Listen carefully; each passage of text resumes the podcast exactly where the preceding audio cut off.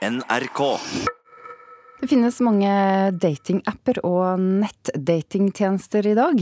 I fjor vokste antall brukere av dateappen Happen med 60% globalt, opplyser selskapet til NRK. Psykolog Peder Kjøs mener datingapper kan gjøre at man kan begynne å slite med å klare å satse på bare én person.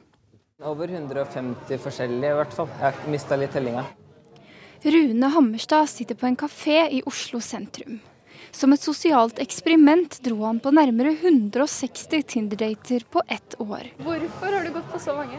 Det er for å finne ut hva slags type dame jeg ser etter, og hva jeg ikke ser etter. Og um, jeg har lært veldig mye om meg sjøl og om andre. Hva er det du har lært, da? Helt spesifikt? Mm, jeg har lært meg veldig å bli mer sikker på meg sjøl. Jeg tror de ti første datene var på ca., så gikk jeg midt under daten, for jeg var så nervøs. Og etter hvert så ble det lettere og lettere da når jeg følte meg mer komfortabel i en datesituasjon. da. Så det var som en type terapi for meg i starten. Nettdatingtjenestene sukker.no, Happen og Tinder opplyser til NRK at veldig mange benytter deres plattformer for å date. En representant for Happen sier at antall brukere økte med 60% i fjor globalt. Psykolog Peder Kjøs mener dateappene har både positive og negative sider. Det er jo en måte å møte folk på. da, Og få et utgangspunkt for å kunne utvikle en relasjon, liksom. Um, så, så, i starten da jeg hørte om det, så var jeg egentlig veldig optimistisk. Jeg tenkte at det, jo, det er jo kjempefint å kunne møte flere enn å måtte Hvis du går på et utested, så møter du kanskje en eller to i løpet av kvelden, da, men her kan du sile mange, liksom. Men så virker det som at det utvalget der i seg sjøl gjør noe med at det blir vanskeligere å liksom gå inn i ordentlige møter. Da. Det er eh, veldig mange som holder på mye med det her, sier det at det er liksom hele tida eh, en neste som kanskje er bedre. Så at, man, at de får liksom ikke til å gå ordentlig inn i de møtene. Og da blir det jo ja, da blir jo det utvalget et problem istedenfor en fordel. 20 år gamle Hanna Espevik gikk på ti Tinder-dater på ti dager som et prosjekt til en artikkel. Det gikk veldig bra. altså Det var veldig morsomt. Og jeg fikk på en måte testet det at det er faktisk bare et møte mellom to mennesker. Det er ikke liksom øksemordere. Det er ikke, eh, det er ikke så skummelt som man kanskje tenker at det er. Hypotesen hennes var at romantikken ikke var til stede lenger i dag. Men det fikk hun motbevist. Jeg syns ikke romansen er død. Eh, jeg syns romantikk i Norge i 2018 helt fint er der. Og jeg kan skjønne at Tinder kan funke veldig bra for veldig mange. Spesielt hvis man er kanskje litt mer sjenert eh, og sånne type ting. Men det er altså sånn, som klart så er det et liggefokus både på byen og på Tinder. Men eh, romantikken, den vil ikke jeg si er død. For Rune seiret kjærligheten. Etter å ha vært på over 150 dater møtte han sin nåværende kjæreste. Jeg tenker at eh, I mine øyne så er det veldig lite håp, men det er veldig verdt det når en da først finner, eh, finner den riktige. Da. Reportere her var Caroline Tolsen og Kaja Marie Andreassen. Og da har vi fått i studio forfatter Ellen Sofie Lauritzen. Du er nemlig ekspert på dette. Du har skrevet bok både om din egen og andres opplevelser på Tinder. Hvordan var det å være på Tinder for deg? I starten var det jo veldig gøy. Eh, da, det var både fordi det var helt nytt og spennende og var en bunke med menn jeg kunne treffe. Eh, og jeg bodde i en annen by enn Oslo. Så jeg bodde i en fremmed by, og, så det var en måte å bli kjent eh, med byen på også. Det høres ut som det er et menn her. Ja, men da, da var ikke jeg på jakt etter kjæreste, og da ville jeg bare liksom ha det gøy og henge litt. Men da, jeg, da, kriteriene endret seg, eh, eller da det jeg ønsket meg, endret seg da jeg kom tilbake til Oslo, så opplevde jeg det vel som kanskje ikke så gøy etter hvert. Um, ja. Hvorfor ikke det? Det handler jo både om eh, hvordan man oppfører seg på de appene. Både hvordan jeg ble litt sånn kynisk og kjip, men også hva jeg opplevde med folk jeg traff. Altså, jeg ble jo det man kaller ghosta. Dvs. Si at eh, en person bare forsvinner, rett og slett. Slutter å ta kontakt. Og du sitter der og kikker på en eh, sort telefonskjerm som ja, ikke våkner til liv. Det er jo ikke noe særlig gøy. Og også følte liksom at det ikke var Det, det skjedde liksom ingenting. Uh, uansett hvor mange dater jeg var på, så, så ble jeg bare skuffa, da. At det ble veldig overfladisk? Er det veldig, det ja. Mm. Hvem kan Tinder være bra for, mener du? Egentlig veldig mange, eh, så lenge du er bevisst på hva du driver med. Jeg tenker at Sånn som han Rune her, da, som sier at det er som en treningssak, altså at han måtte trenes opp for å gå på date, og at han fikk liksom ned den garden. At du, terskelen for å møte folk blir jo mye lavere. Og så tenker jeg at er du f.eks. en aleneforelder som ikke kan drive og gå ut på byen hele tida, så er det jo greit å kunne sitte hjemme i sofaen og sveipe. Eller hvis du er på min alder, da, jeg er jo 32, og mange rundt meg driver og etablerer seg, og da er det ikke så gøy å være den eneste single i flokken som måtte, skal ut på byen aleine. Så sånn sett funker jo Tinder veldig bra, da. Så lenge du som sagt er bevisst på hva du driver med, og de menneskene du matche med og ikke matche med. Mm. Hva slags råd har du da til, eh, til, folk som ikke har så mye erfaring?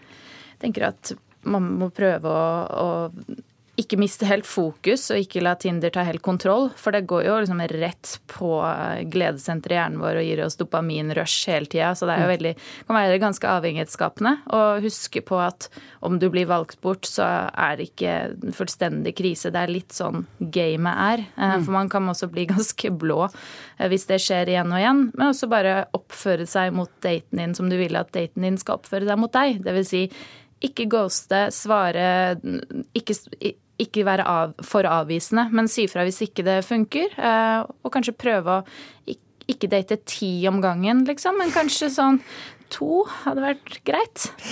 Hvis vi skal eh, konkludere litt her, da. Hva, hva mener du at dateapper eh, gjør med oss mennesker? Tror uh, dateapper gjør oss uh, mer rastløse uh, i sånn verste fall. At vi får et litt sånn bruk-og-kast-forhold til hverandre. og dette er hvis man bruker det for mye. men igjen, det kan også gjøre oss mer måte, tolerante. Da, eller at vi, at vi, drar ut og møter flere folk hvis det brukes på riktig måte. Så det er jo både og her. Men igjen, bevisst bruk er, er smart, tror jeg, da. Takk for at du kom hit til Nyhetsmorgen, forfatter Ellen Sofie Lauritzen.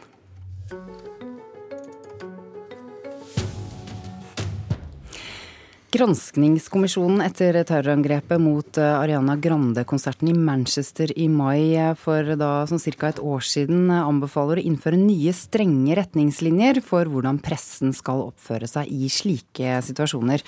Og hva er det denne granskningen har kommet frem til, reporter Thomas Alvarstein Ove? Det er den såkalte Kerslake-rapporten som nå er offentliggjort, som anbefaler nye retningslinjer. Granskningskommisjonen har sett på hvorvidt samfunnet var forberedt på, og eh, hvordan man responderte på terroren da den rammet Manchester. Og pressen får det glatte lag, altså. De aller fleste som ble skadet i angrepet, og, og pårørende til de 22 som omkom, sier de har hatt negative opplevelser med journalister. Hva, hva er det som har kommet frem? Hva er det pressen har gjort feil? De melder om eh, en eh, invaderende og overbærende oppførsel. Pressen har i liten grad vist respekt for ofre og pårørende. Og journalister som eh, har oppsøkt bl.a. pårørende Nei, unnskyld, journalister har bl.a. oppsøkt pårørende før politiet rakk å melde fra om at de hadde mistet eh, et familiemedlem. Andre melder om at journalister har satt eh, foten fysisk på innsiden av døren og presset seg inn når de ble avvist. Og mange føler seg bombardert av meldinger og oppringninger på telefonen. Ikke alt av dette som gikk galt her, rammes av det etiske regelverket britisk presse har i dag. Derfor mener Kerslake det må nye regler og sterkere lut til for å unngå lignende respons i fremtiden. Så alt er ikke bare bekmørkt, er det det du sier?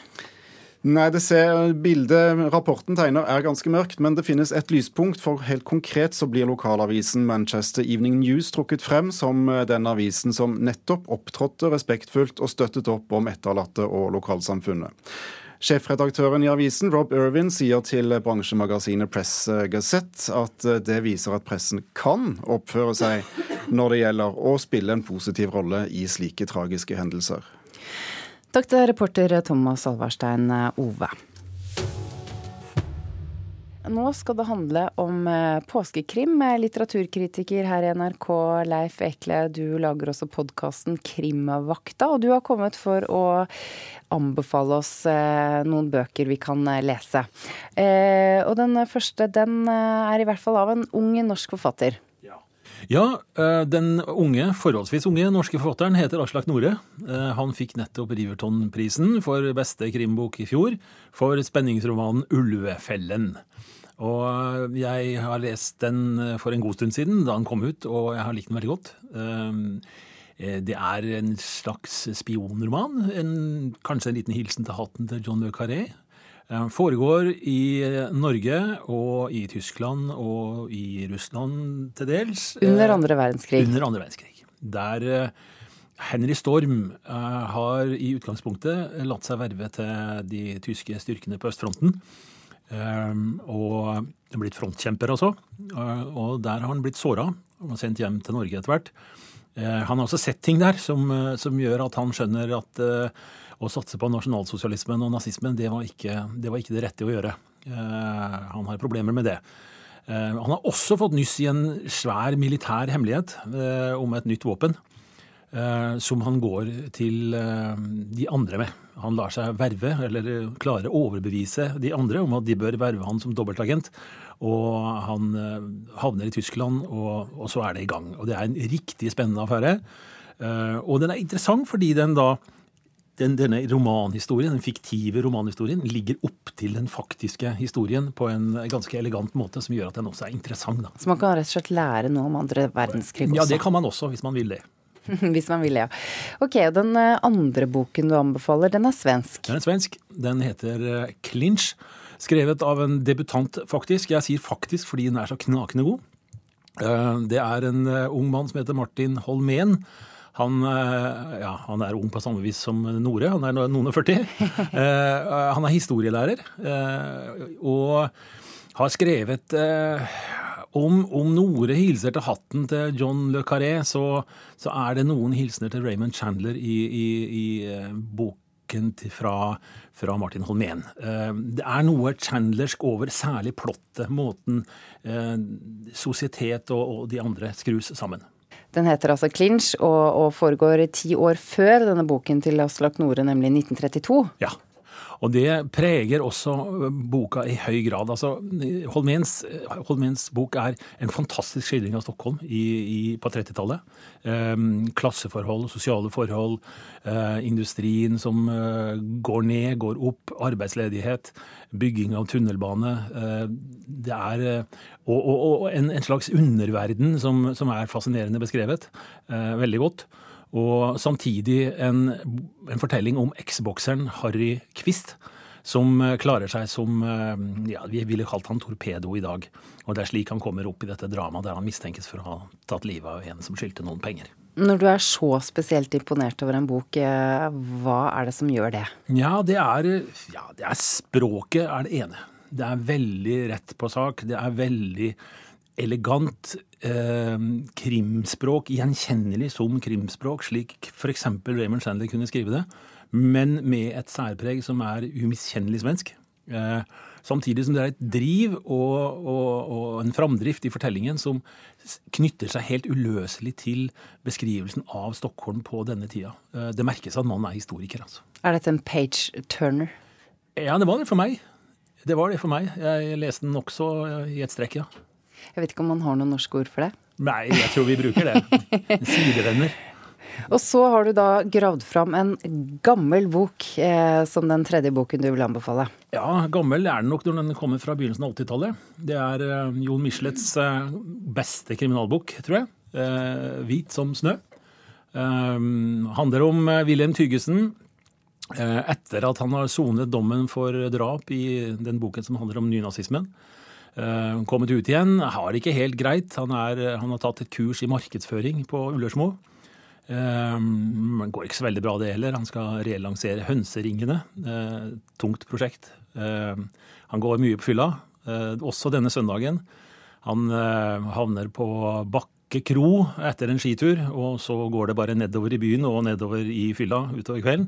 Våkner dagen etter i en beskrivelse av bakrusen, som er kanskje av de bedre gjort i, i norsk litteratur, eh, og finner en død mann på badet. Eh, drept av en stiletthæl. Og derfra går det videre. Det som kanskje er bokens aller fineste kvalitet, er beskrivelsen av Oslo akkurat før jappetida begynner, mens det begynner å forandre seg. Eh, mens Oslo forandrer karakter fra det gamle til det vi kjenner nå. Eh, det norske teatret f.eks. er ikke på plass. Man driver og river og, fjerner og rydder for å bygge nettopp det. Det høres jo ellers ut som en ganske typisk eh, kriminalroman, da. Det er det, definitivt. Det er en kriminalroman. Og greia er at den er veldig god, og den lever eh, også etter alle disse årene. Og det sa litteraturkritiker her i NRK, Leif Ekle.